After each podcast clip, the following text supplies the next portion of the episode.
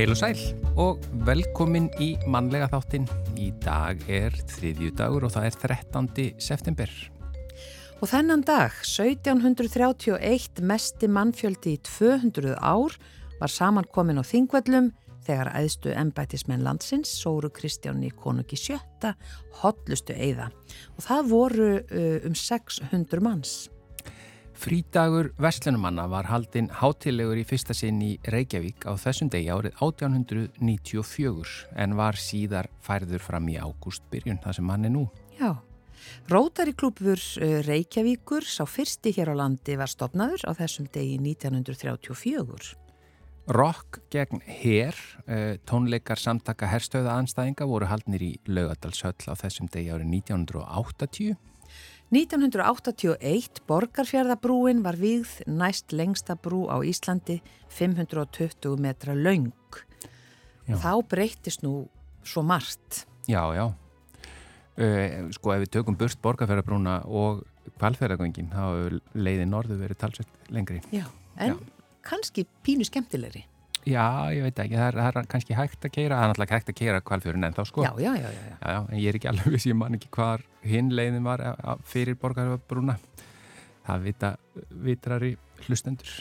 Uh, Fjölbjörnskóli Suðurlands var settir í fyrsta sinna þessum degi árið 1981, sama dag og borgarferðarbrúin var vígð.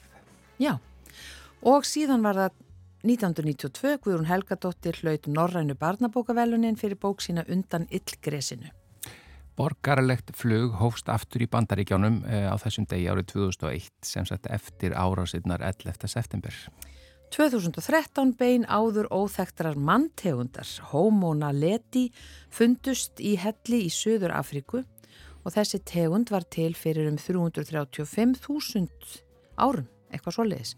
Já, Já, ég kannaði aðeins að þessi tegund var svona meðaltali um 143 cm á hæð, þannig að það voru lægir en við og með talsvert minna höfuð. Já. Já. En yfir í efni þáttanins í dag, eh, mamma, mamma, börn og bíl. Hins einn fjölskyldur í fjölmiðlum 2010-2021 er nafnið á fyrirlestri sem fer fram á fymtudaginn og er hluti af hádegis fyrirlestraröð RIK, rannsóknastofnunar í Abrettisfræðum við Háskóli Íslands. Það er ekki nýtt að hins eginn fólkstofni fjölskyldu og alu upp börn en leið þess að fjölskyldu myndun hefur verið misgreið eftir tímabilum og samfélagsháttum. Og í fyrirlesturinnum er fjallaðum rannsók sem stendur yfir á byrtingamyndum hins eginn fjölskyldna í prentmiðlum á Íslandi á árunum 2010-2021 og Íris Ellenberger, sakfræðingur og dósent við Menta og Vísindasvið Háskólans og hún flytur sem sagt fyrirlestin ásand auði Magnísi auðardóttur, lektor í uppeldis og mentunafræði Íris ætlar að vera hjá okkur hér á eftir og segja okkur aðeins frá þessu. Stórsveit Reykjavíkur fagnar 30 ára afmæli með stórtónleikum í Eldborg 18. september og í tilefni af afmælinu þá býður Stórsveitin landsmennum ókipis á þessa tónleika.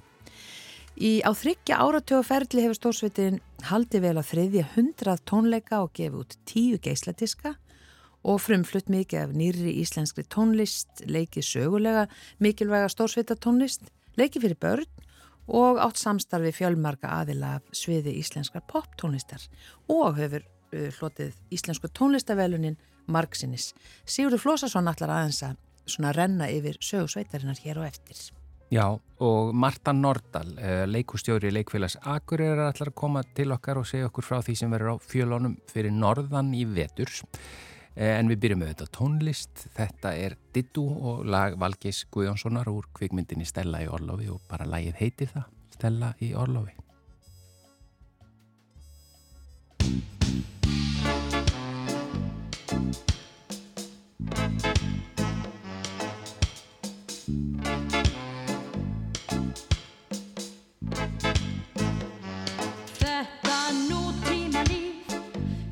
Svo mikils af mönnunum. Í sveita síns andlits sjá þeir vart út úr önnunum. Bógin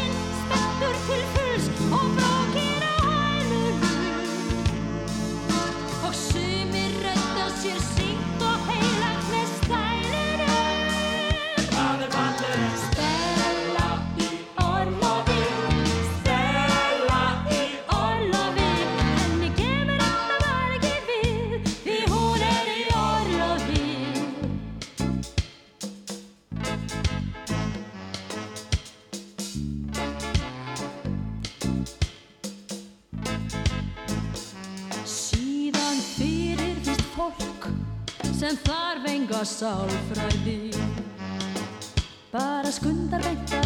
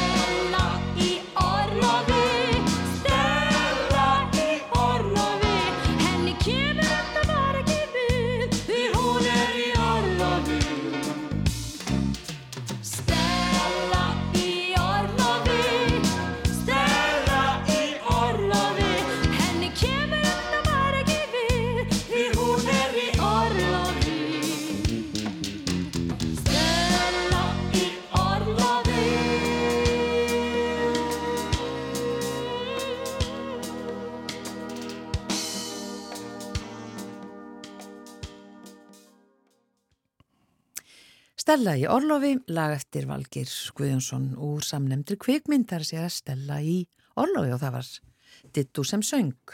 Já, og e, þetta var auðvitað úr myndinni, já, Stella í Orlofi og Edda Björgvinsdóttur Amali í dag. Er það? Já, Já, og ekki nóg með það heldur, það er stór Amali. Já, Já, sjötu samali. Hvað er þetta að segja? Já. Til hamingju þetta. Þannig að við hendum því hérna út.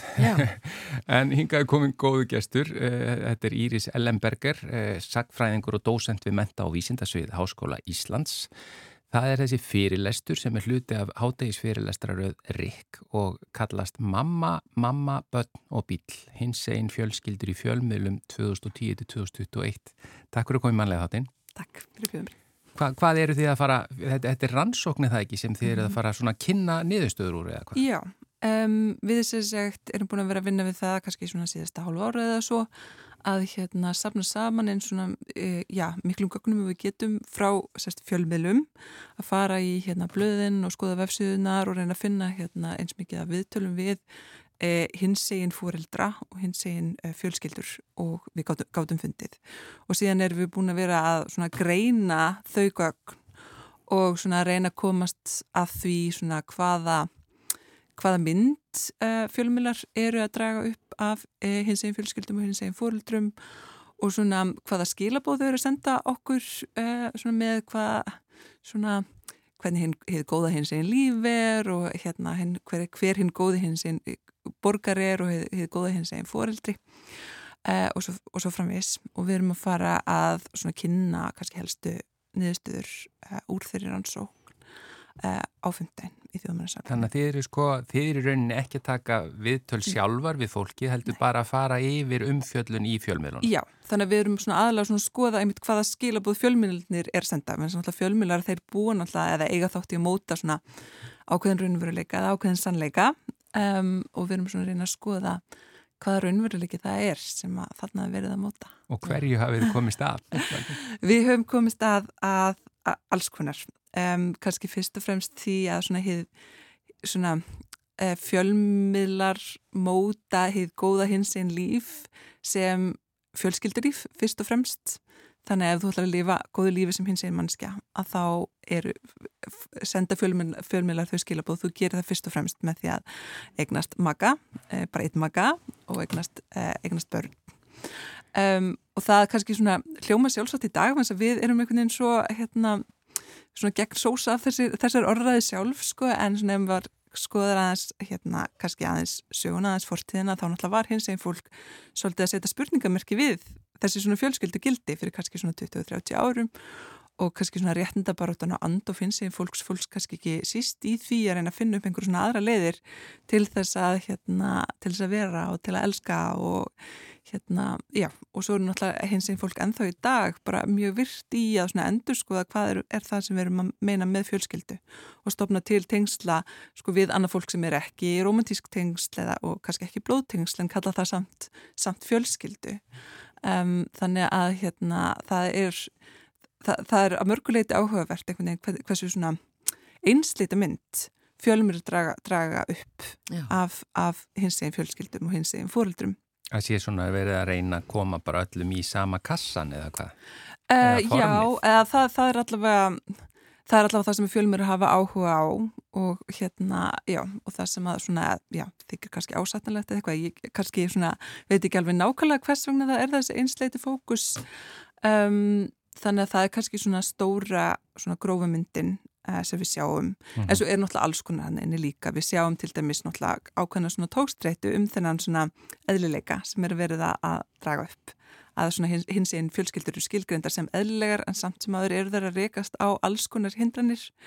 Um, og fólk er svona, maður sér að stundum að þá er, þá er fólk svona já, það, það hefur tekið svo vel á mót okkur það, það er ekkert skrítið að vera hins einn að eiga hins einn fóreldra í, í dag en svo sér maður samt svo að þau byrja að telja upp sko, það sem þau hafa í rauninu verið lent í þannig að það er ákveðin svona tendens til þess að kannski svona draga Fegra kannski Já, eða hvað? draga úr þeim hindrunum sem að, að þó eru endi staðar og þær eru ennþá, þær eru greinilega al, alveg heilmiklar. En sko þessi, þessi fyrirlestra röð mm. Mhm. uh, hins einn Ísland í alþjóðlegu samhengi og þetta er áhugavertið það ekki að skoða þetta tímabil sem þið er að taka fyrir uh, í alþjóðlegu samhengi Já. einmitt að því að frá árunni 2006 þá hefur hins einn fólk á Íslandi hefur staðið til bóða uh, svona allir sömu lagalegu möguleikar og, og gagginni. Hvernig kemur þetta út sem sagt í svona samanburði við alþjóðlega? Við sjáum sko, það er margt sem að við sjáum sem er svipað hér og erlendis. Það eru svona sömu orðræðunar einhvern veginn í gangi að einhvern veginn þessar svona orðræðun í frjálsíkjurnar sem við, hyggjurnar sem við köll- köllum þetta, sem er búið að vera mjög mikið, mikið rannsakað. Þessar, svona hugmyndur um að þú sem einstaklingur byrja ábyrða á að gera einhvern veginn þitt líf sem best, best úr garði um, og það fer einhvern veginn algjörlega eftir bara þeirri vinnu sem þú leggur í það algjörlega óháð því hver samfélagslega staðan þinn er, hvaða nesti þú hefur frá fjölskyldunniðinni eða hvernig þú stendur í samfé samfélaginu, hvort þú tilsena hins eginn eða ekki, sko.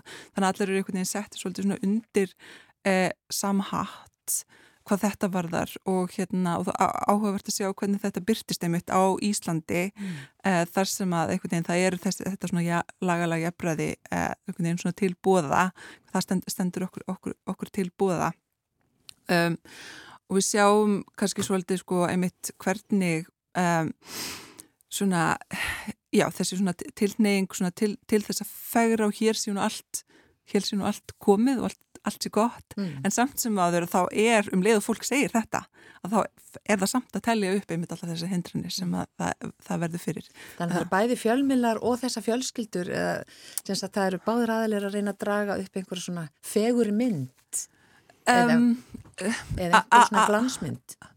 Að, að, að einhverju leiti eða sérst, kannski, kannski fyrst og fremst svona kannski ábyrðin fjölmiðluna hérna sem mm. náttúrulega stýrir, stýrir náttúrulega líka því sko hver, hverju komast í viðtal þess að við vitum það eru hins einn fjölskyldur hann úti sem að e, já, búið vera aðraðastæður eru öðruvísi en það eru ekki þær sem að komast sko, sko í, fjö, í fjölmiðluna En er þetta sko rúmlega, þetta er 11 ára tímabil Já. og þetta er akkurat tímabil það sem kannski mjög mikið hefur verið að breytast kannski sérstaklega í umræðinni mm merkiði mun á, þú veist, setni hluta tímabilsins og, og fyrir hluta uh, ekki teljanlegan ekki tellinlega. Nei, þetta er náttúrulega, þetta er 11 ára tímabil en þarna náttúrulega 2010 og þá er, hérna, er komin hérna einn hjúskapalög og 2000, 2006 að þá eru svona einmitt allir þessi svona, svona sömu möguleikar eh, svona í, já, allavega í orði um, þannig að það er kannski helst ef við, ef við hefðum skoða líka sem við svona aðeins kíktum á sko tímabilið fyrir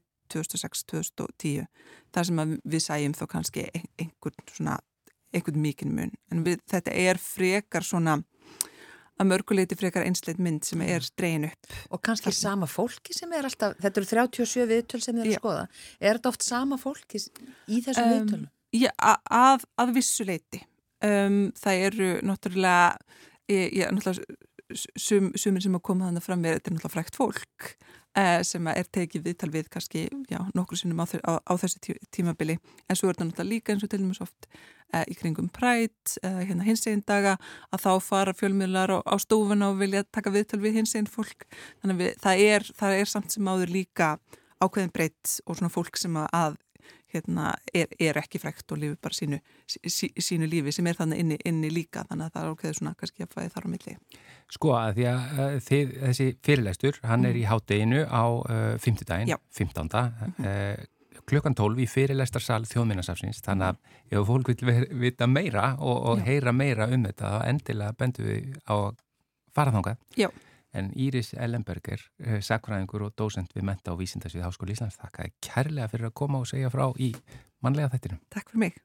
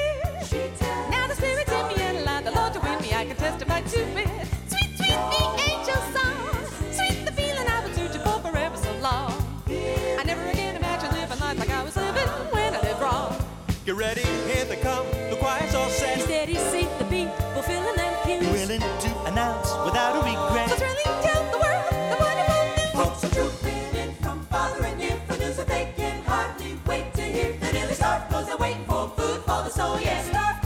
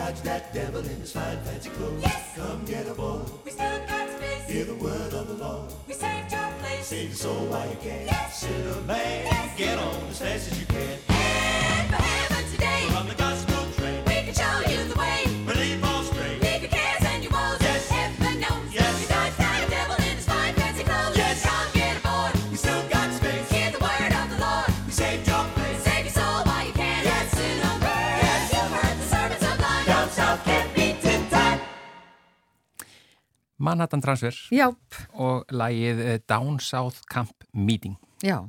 Og þau voru nú einmitt eh, svona þekkt fyrir að taka alls konar svona stórsveitarlög Mm. og syngja þau svona eins og hljóðfærin hljómuðu í hljómsveitinni og svona smá, hvað ég segja, herma eftir eða svona stæla þetta með, um, með röttunum svolítið skemmtileg mörg, mörg þeirra lög og talandum stórsveit, við sögum einmitt í upphafi að stórsveitir Reykjavíkur fagnar 30 ára afmæli með stórtónleikum í Eldborg 18. september klukkan 20 og landsmönnum bóðið ókeppis á þessa tónleika í tilefni þessa e, stór afmælis og það er nú bara hvað? Tveið þrýr miðar eftir Sigurður Flósason. Er þetta ekki alltaf fyllast? Jú, það er bara fullt í sal og á fyrstu svölum og, og daldið upp á aðra svalir þannig að þeir sem vilja koma þeir þyrftu nú bara að drífa sig í að bóka sér með það. Já, nákvæmlega, vel bóðið, segi ég nú bara. Já, þetta er náttúrulega bara ammælisfagnaður og við hérna gefum okkur sjálfum þá gefa að vinna með þessari storkusluðu konu, Maríu Snæder og svo gefum við þjóðinni þá gefa að koma að hlusta á þetta. Já, Hva, hvað þarf eh, til að sveit sé stórsveit? Hvað þarf hún að vera stór? Já, þetta er bara svona alveg uh, ákveðið hugtak, svona eins og strengjakvartett er strengjakvartett, þá Já. er stórsveit eða big band, er yfirleitt 16 til 17 manns, 5 saxofónar, 4 trompetar, 4 básunur og 3 til 4 manna ritmasveit. Þetta er bara svona standard fyrirbæri. já. Og svona hvenar byrjar eh, Stórsveit Reykjavíkur að verða til?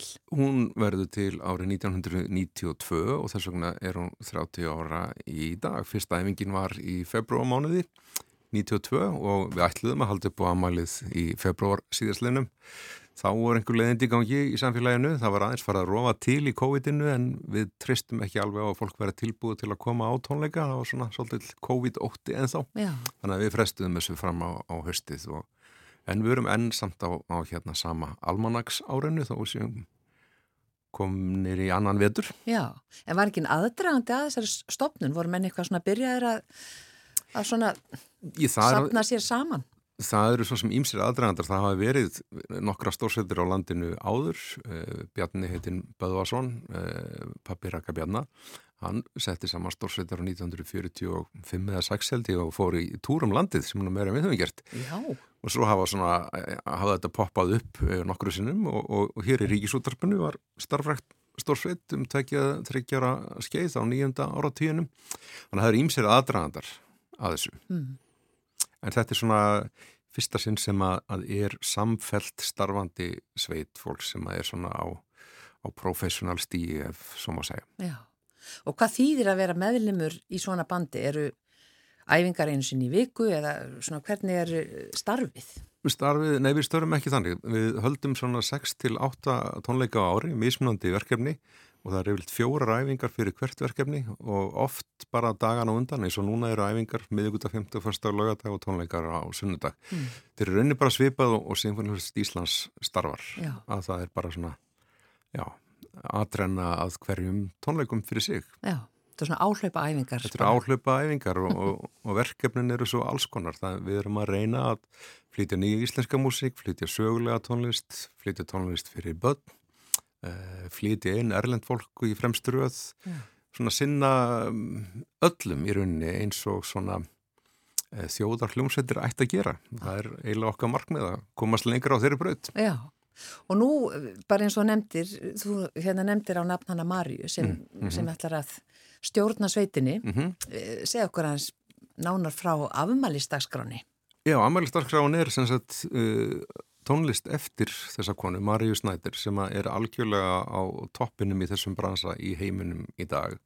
Hún er ekki bara drottning Big Band heimsins, heldur eða kongur og keisari líka, hún er, hún er bara algjörlega frábær. Hún er magna tónskáld, hún er marg verlunuð, uh, hún er margkvaldu grammi velunarhæfi og, og heiðustoktor við einhvern háskóla og hloti fullt af velunum uh, djastímareita og svo framvegis og framvegis. Um, Þannig að það er bara hægt að segja að hennar tónlist er alveg mögnuð. Þetta er auðvitað nútímaleg jazztónlist en hún er eh, áheyrileg og heillandi og ég held að allir geti haft gaman af henni.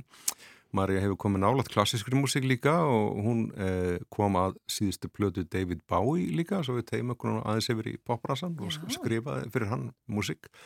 Eh, þannig að hún hefur svona tengingar í ýmsar áttir þannig að allir sem hafa áhuga á áhugaverðri músík úr hvaða gera sem er uh, gætu átt erendi á þessa tónleika og haft gaman af því að kynnast Maríu Snættir. Hún er, hún er bæði brilljant höfundur, hún er flottur stjórnandi og hún er einstaklega eh, skemmtilega og heillandi manneskja og gaman að sjá hana á sviði líka.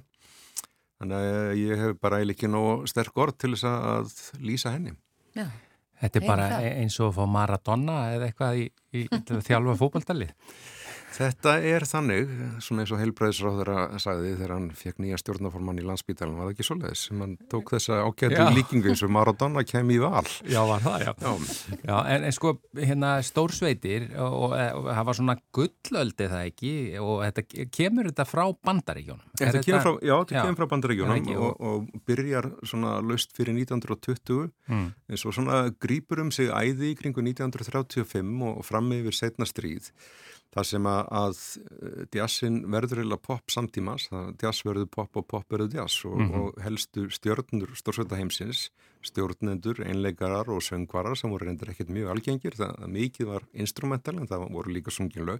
Þetta eru náttúrulega bara popstjörnur uh, síns tíma. Já, að á þessum tíma er þetta að segja að jazzin sem var svona kannski örlítið til hliðar í, megin ströymi amerískar menningar, hann beigir inn í miðjuna á, á hérna dægulega ströymunum og svo beigir hann út úr honum aftur þegar að bebop-músikin kemur fram í kringu 1945. já, En síðan hafa stórfættir haldið áfram að lifa þó þeir hafi ekki verið popljósiti beint áfram og flutt alls konar tónlist á, á ólíkum tímum og það er þá til söguleg stórfætta tónlist frá öllum áratugum síðan þá.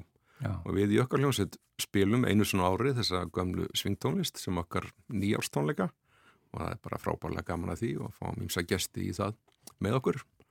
En við líka leggjum rækt við nýja músík, innlenda og erlenda og þetta er sem sagt erlend músík í hæsta gæðaflokki sem að er að koma til okkar núna. Og þannig að tónlistin sem þið flytjað á tónleikunum, hún er sérstaklega samin fyrir stórsveit. Já. Já, en svo gerir þið líka eins og þú segir mikið að taka kannski aðra tónlist og út, útsetja hana fyrir. Það voru hann útsett fyrir, fyrir stórsveit, já. Já. Já, mjög áhugavert, en það, eins og þú segir, það verður bara að benda fólki á og það eru bara nokkru miða lausir. Já, Og þetta er ókeipis. Já. Það er bara mjög veglega Það bóðið. er mjög gaman. Eh, svona þinn, þinn feril sem stjórnandi sig, hvernig byrjað þú að, að stjórna sveitinni? E, sko ég er ekki, ekki ofinbér stjórnandennar, ég er bara einn af nokkurum meðlumum, sveitarna sem að stjórnar stundum eh, stökum verkefnum.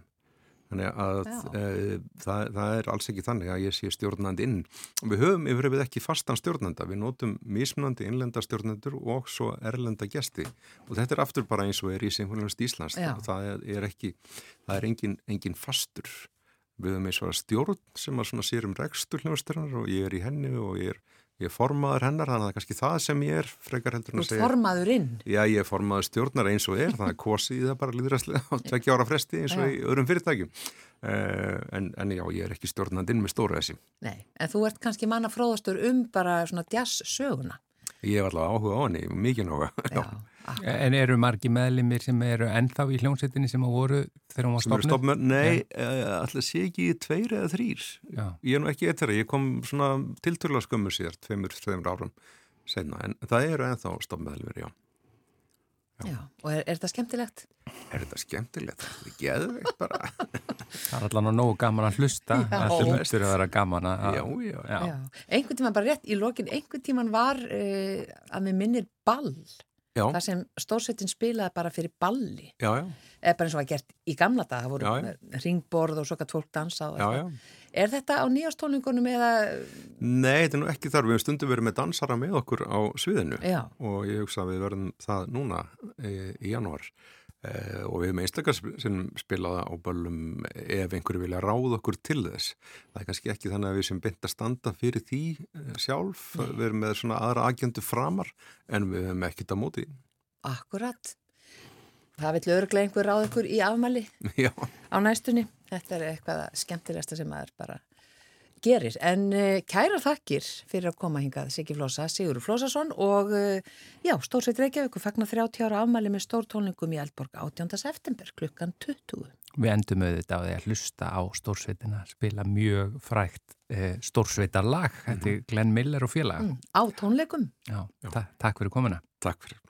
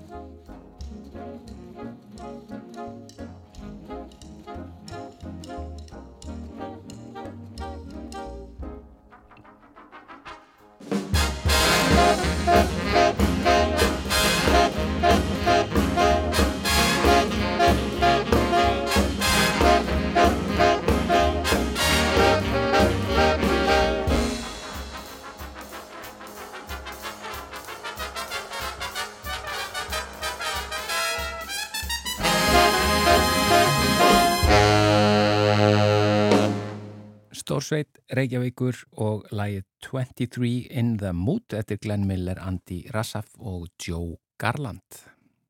Leikfélag Akureyrar er eina atvinnuleikús landsins utan höfuborgarsvæðisins og hefur verið atvinnuleikús frá árinu 1973.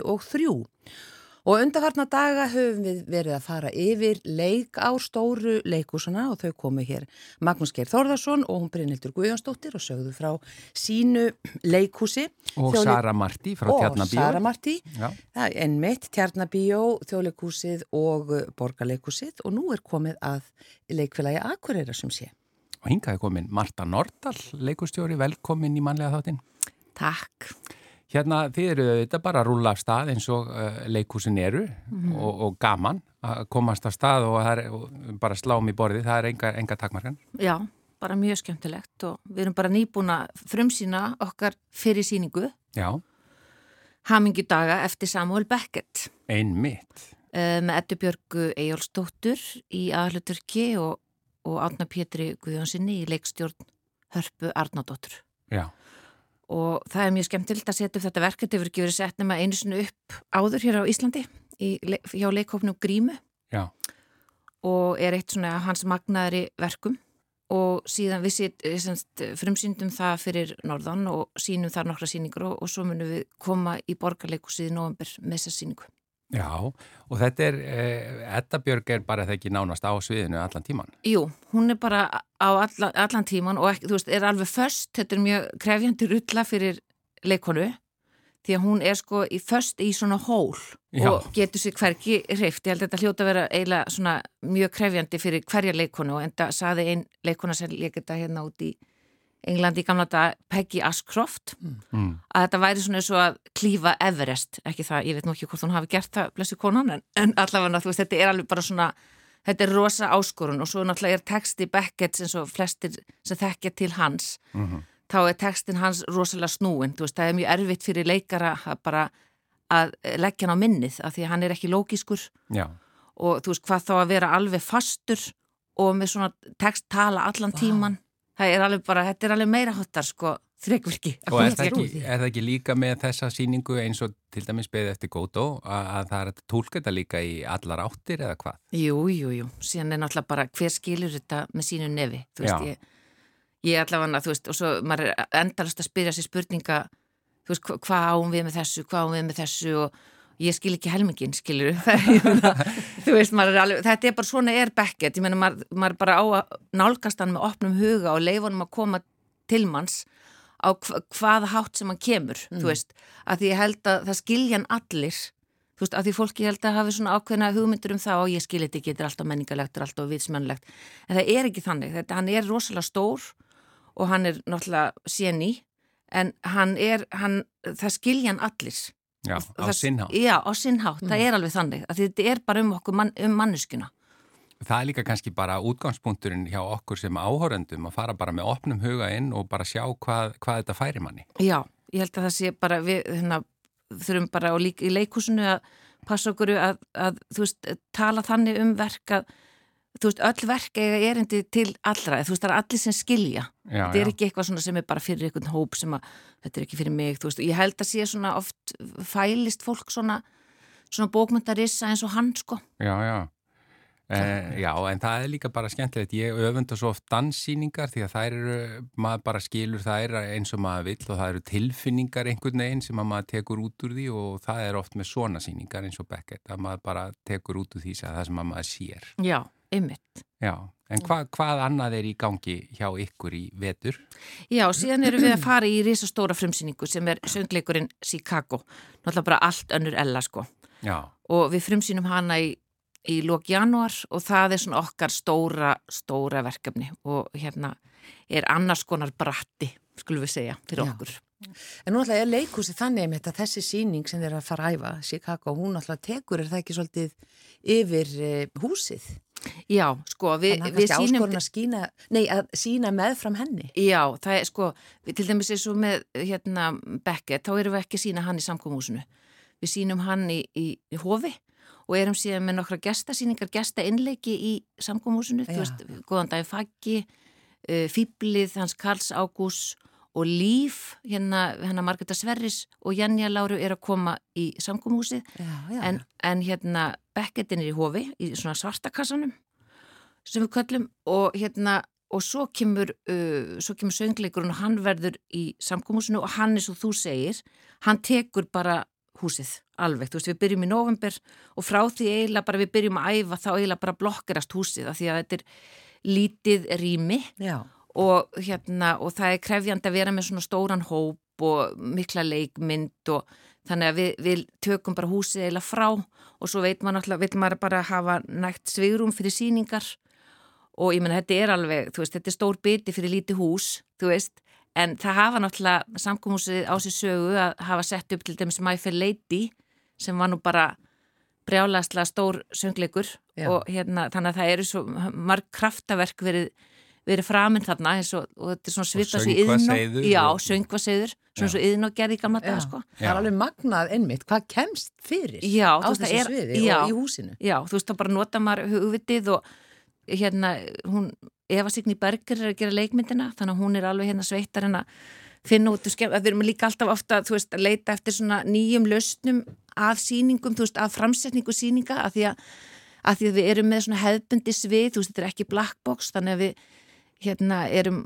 ofta að reyna svona, já, leikmyndahönnir að finna nýja leið að rýminu, eins og maður segir. Já. Já, þú tókst þátt í Chicago uppsetningunni í Já. borgarleikursunum sem að Þóruldur Þorleis Já. og það var risa, risa stórt. Já, það var risastórt. Já. Það var starri, með þess að starri. Við erum aðeins svona örlítið, hún er örlítið minni okkar síning heldur en þessu súsýninga því það er náttúrulega stór, miklu starra sviði. Já, og það er nú bara að því við erum aðeins rættum það hérna áður en við fórum í upptöku, það var nú skemmtileg saga sem að kom, uh, að því að við, ég og þú vorum í þessari síningu og vorum svona í minni hlutverkum og, og, og mikið að stökku úr einu hlutverki í annað og, og, og svo slíkt, en Stein Nólina var þarna í öðru aðalhlutverkinu og hún forfallaðist og þú stökst inn í það hlutverk með bara nánast engum fyrirvara. Já, samdags, um hátið. Já, Gí, já, Samdags. Gíó hringdi mig um hátið. Já, Guðjón Pettersen. Já, og þú veist, og kom með þessa frábæri hugmynd. og ég var náttúrulega bara, þú veist, þetta var náttúrulega bara absúrt, skilur, ég var bara, ha, ha. Og en svo var það náttúrulega eins og bara, held ég oft með leikara og svona fólki í þessu fæi, þú veist, að því meiri sem áskorunin er því bara einhvern veginn, maður verður einhvern veginn að taka henni. Þannig að ég stökk bara og bara, já, ok, ég gerði það bara. Að þetta var ekkit eitthvað bara lítið nei. og ekki bara leikur, heldur söngur og Já, dans og, og bara, bara. Og ég man að við í leikopnum við hugsaðum fyrst bara, nei, þetta er bara, gengur ekki, þetta er bara, en svo gerist þetta bara og þú náttúrulega djörf, bara, já, ég tek þetta að mér. Og Þórhildur Þorleifs, leikstjóri, var í eironum á þér, það er að segja að það var svona, þú gast hlustað á hana eða ekki? Jú, hún, hún sko, hún fýtaði bara textan og bara með þessa lögin og allt. Ég náttúrulega var í síningunni, það náttúrulega hjálpaði, skilur, þú veist, ef ég hefði komið alveg, ég hefði ekki getað þetta ef ég hefði ekki verið í síningunni. Þannig að þú veist, ég vissi svona sirka eitthvað, allavega, ég var ekki alveg blanko og en hérna, þannig að hún fýtaði bara allan textan, allan. Og söngteksta Já, bara, þú veist, stundu með stuð, stundu með stuð, það var bara svona, sko. En hún, og hún gerði þetta alveg sjúklega vel, alveg bara, þú veist. Þú ert að meina það Þórhildur Já, að kvísla, já. Já, af því þetta er rosa kunst að fýta þannig að það komi bara, þú veist, þú fái textan alveg á háréttu augnabliki áður og segir hann. Já, Og hún, hérna, hún, ég held að þetta hafi líka eitthvað með að gera, hún er mjög músikölsk, hún Þoruldur. Já. Hún náttúrulega þekkti textan við þetta mjög vel, hún líka þetta, hún hefur svona, þú veist, þessu fínu tæmingu. já. Þannig að við vorum bara svona þessu ein manniska og hérna, og og, líka í svona stóru og mikill síningu að því hún var með svo margar innkom, þetta var Roxy var Já, ekki, já, jú. hlutverkið Já. eh, að, að hún þurfti líka að segja þér bara hreinlega hvar þú ættir að vera á sviðinu og hver, hvar þú ættir að fara út af og, já. þannig að þetta var, þetta var alveg bara, svo er þetta bara einhvern veginn þannig, í, í minningunni þetta, maður fer bara inn í eitthvað svona són, skiljið þegar maður tekur svona ákvörðun, þá, þá fer maður bara niður í leikhús og svo er bara búningum og svo er maður bara í ykkur svona sóni, sko og bara þetta er einhvern veginn eins og þetta er unreal, eins og maður segir og fyrir Vá. okkur sem vorum að, að leika með þetta Já. var nefnilega mjög sérstætt að, að því að eftir svona fyrsta sjokki þá veist bara, já alltaf, við látum þetta ganga upp og það var ótrúlega stemning allir bara við hjálpum Já. stað og höldum utan um Já. hana og svo gerðist svo skemmtilegt að því þetta hlutverk eh, að því að þú varst alltaf að býða eftir að heyra aðeins í eironum þannig að kom alltaf smá pása áður en að þú sagði þína setningu sem var mjög skemmtilegt svona persónu enkenni á Roxy og hún svona þurfti aðeins að hugsa sig um áður en hún sagði hlutina sem var alveg ótrúlega skemmtilegt. Já, ég mani fyrir þú sagði þetta á sínum tíma, af því að hún er svolítið svona uh, og þú veist, bondandi eða eitthvað svona bara, e, svolítið næf stundum og það var þetta, við mitt, það var eitthvað svona mjög raunverulegt við það að hún stundum var alveg tóm, sko. Og þetta hófst. Já, þetta bara gekk rosa vel og ég, Björgvin Frans, hann er sérst að fara að leika í, í hjá okkur og hann var á þessari síningu. Ég sá Já, þetta. Ég sá þetta Já, já. og hann, þú veist, hann segir þetta hafi verið frábært. Og Hérna, en, En þetta var já, bara- þetta þú veist, hann, ég held að hann hafi, þú veist, enginn fattaði náttúrulega ég væri bara, þú veist, að stökkva hennin, ég held að það hafi enginn fattaði þetta, sko, en þetta gekk rosa vel. Og Björgum Frans er farið að leika núna aðal kallur. Já, hann er að fara að leika lögfrængin og svo er sérst, Jóhanna Guðrún, Já, söngkona, hún er að fara að leika Velmu, sem að Jóhanna Vigdís leik. já, og hérna hún, Selv, nei, hérna ekki Selvikar, heldur hún, hérna, hinn hana, Katharín Seta Jones leik Já, og hérna Reyni Selvikar, það er hún Þórdís Björk sem hefur verið mikið hjá okkur, Þorfinnsdóttir. Og já, þetta eru, og svo, já, svo Margrit Eyr, hún er að fara að leika mömmuna, fangelsis, dífuna, Mamma Morton. já, Já, já. Þannig að þetta er, þetta er valin maður í hverju rúmi og ég er að leikst í þessu og svo er náttúrulega Lí með okkur, Lí Prátt og Þorvaldur. mikið um dans í þessari Já, sýningu. þetta er eiginlega, þetta er náttúrulega Bob Fosse síning Já, og hérna, og þetta er náttúrulega, hann leikst í þessu á sínu tíma og náttúrulega koreografið allt og þetta er náttúrulega hans baby og hérna, og hann, þannig að þetta er, þú veist, þetta er danssýning, þú veist, þannig að það verður mikil pressa á Lí að gera þetta vel. já, sem hann mun örglega standast. En uh, hérna hljóms, er hljómsveit eða er Já, svo er það Það er live hljómsveit? Já, já, já, sko það má ekki segja svo er náttúrulega réttinda mál varðandi svona söngleik er svo strángir, þú mátt ekki vera með þú veist, með neitt á, á bandi sko, þó maður myndi stundu vilja af því að það er svona ódýrara. En hérna, en það er sagt nýju mannaband á sviðinu og það auðvitað er svo svakalig stemning að hafa live hérna það allt- band, það, veist, það er allt, allt annað, annað. Veist, þannig að þegar ég segi ég hefði ekki viljað þá er það bara út af peningum. Já, En það hefur ódýrara. Já, allt skilju en, hérna, en, en þú veist, þannig að við erum með, nýjumannaband við komumst ekki að með minna og, og þannig að þetta verður alveg þjætt skipað Já, á sviðinu, bara svona eins og þegar við gerum kabarett þetta er náttúrulega sama, af sama meiði. Já, og þetta klæðir alveg vel sko samkómúsi þetta gam, þessi, þörtís tími eins og kabarett, það eru svona þessi söngleiki sem að mér finnst passa mjög vel inn í þetta hús Já, en hefur sviðinu verið eitthvað breytt? Var það minkað eða að þú sagði að sviðið var stærra þarna áðan? Eh, Er þetta alveg sama sviðið? Nei, ertu, hver, sagði, ég var ekki að tala um bara Varst að tala um hof? Já, allir það ekki, Já. en þú veist, þú segir það, það var náttúrulega gerð breyting hérna fyrir mörgum árum síðan og það var stækka sviðið í samkóðsunu og aðeins fækka sætum, þú veist, þegar það var gert upp húsið. Já, já. Þannig að það er pláss til að dansa. Það er plást til að dansa, náttúrulega leikmyndi tekið náttúrulega með af því líka, veist, þetta er, þetta er, en þetta þarf útsjónasemi að hanna svona stóran söngleik á svona, á svona lítið svið. Já. og svona, þú veist, baksviðið er svo lítið og það er svo lítið, þú veist, tæknið er svo lítið svo lágt til lofts, þetta er svo gamalt og þetta er hérna, þannig að það þarf útsjónasemi og Já. kláran leikmyndhönnuð. Já. Akkurat. Og, og Eh, Þorvaldur Bjarni með tónlistinni, það ekki? Já. Þetta er uh, æðisleg tónlist í þessu verki. Æðist. Já, það er bara engu líkt að sitja þarna út í sal og horfa á síningu í þessu húsi. Það er. Það er bara, nei, það er ekkert hús eins og samkomuhúsið. Það, Það, er það er líka bara það að standa upp á sviði í samkomuhúsinu er frábært. Þetta er Ó, nefnilega frábært stærð á húsi. Ég veit að fyrir leikara, þú veist, Já. þú er leikið þarna. Já. Ég líka. Já, þú líka. þú veist Já, að þetta já. er bara, þú ert með þú ert með sko, salin í fanginu þú veist, þetta er svo rosalega mikið nánd að það er bara, það elska allir leikara að leika þarna. Já, þannig að þetta er frumsýning uh, í, í januar Já, í lók januar, Já. 2007 og, og svo sínum við hana bara eins lengi og við getum. Já, hún, hún, ég held að það verði mjög lengi. En þakka er kjærlega fyrir að koma og, og rifja líka upp með okkur þessa sögu því að þetta, ég fekk bara smá í magan að rifja hann upp Já, núna sko. ó, geggja sko. Já, Eh, Marta Nordal, takk kjærlega fyrir að koma og segja okkur frá leikvetrinum hjá leikfélagi Akureyrar, eh, MAK. Takk fyrir.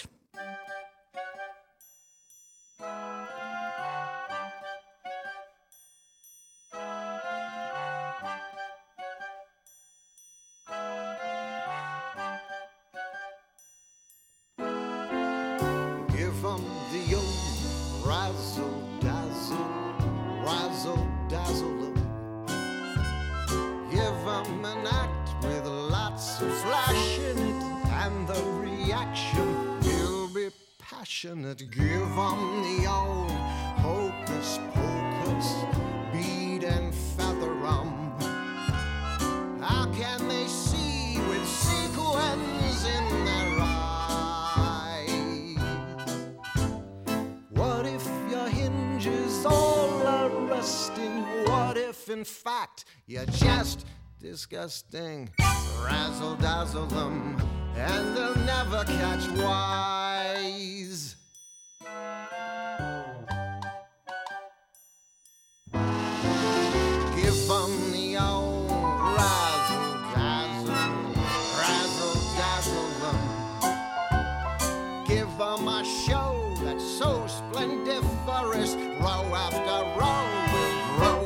Vociferous. Give them the old flim flam flummox, fool and fracture 'em. How can they hear the truth above the roar? Throw 'em a fake and off a nagel, they'll never know you're just a bagel. Razzle dazzle them, and they'll beg you for more.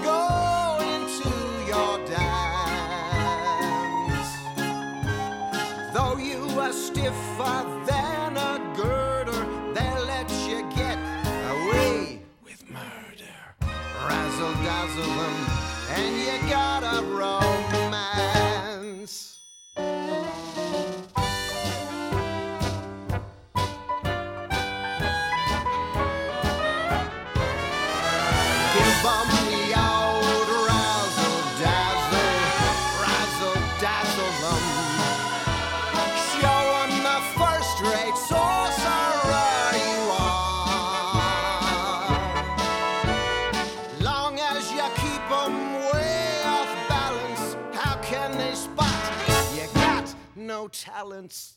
Razzle dazzle 'em, razzle dazzle 'em. And they'll make you a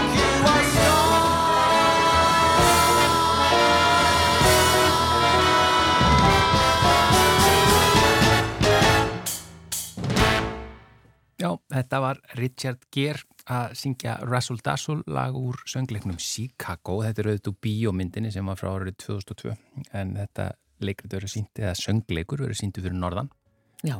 í vetur. Og, og það er Björgun Frans sem mun uh, leika þetta hlutur sem að Richard. Gere var að leika þarna í myndinni. Og við ætlum að minna ykkur á sérfræðingin sem verður hjá okkur á fymtudaginn. Það er hún Margrét eh, Sigfúrsdóttir, hústjórnakennari. Hún verður svona sérstakur sérfræðingur í heimilishaldi. Já. Getur bara orðað það þannig, bara almennt heimilishald, eh, Þrif. almenn umgengni á heimilinu Já, þrýf, eldamenska, Innkaup. innkaup sem skipta miklu máli. og það bara öll þessi húsráð endilega ef ykkur vantar einhverjar upplýsingar eða eitthvað bara við, fyrir þetta daglega viðhald á Já, heimilum Akkurat, og við erum komin með eina spurningu sem uh, fjallar um uh, sem sagt, eldun á innmat, það nú er það ægilega ódýr og góður matur sem uh, hérna er nú yfirleitt í bóði á Já. haustin, eiginlega allan á sinns ring en hann er ferskastur á haustin. Þannig að alls konar spurningar sem varða bara, já, eldamennsku og, og og losna við bletti úr hinum og þessum efnum og hvað sem er, hendið þeim til okkar endilega og Margrét Sigfúrsdóttir mun svara þeim í þættinum.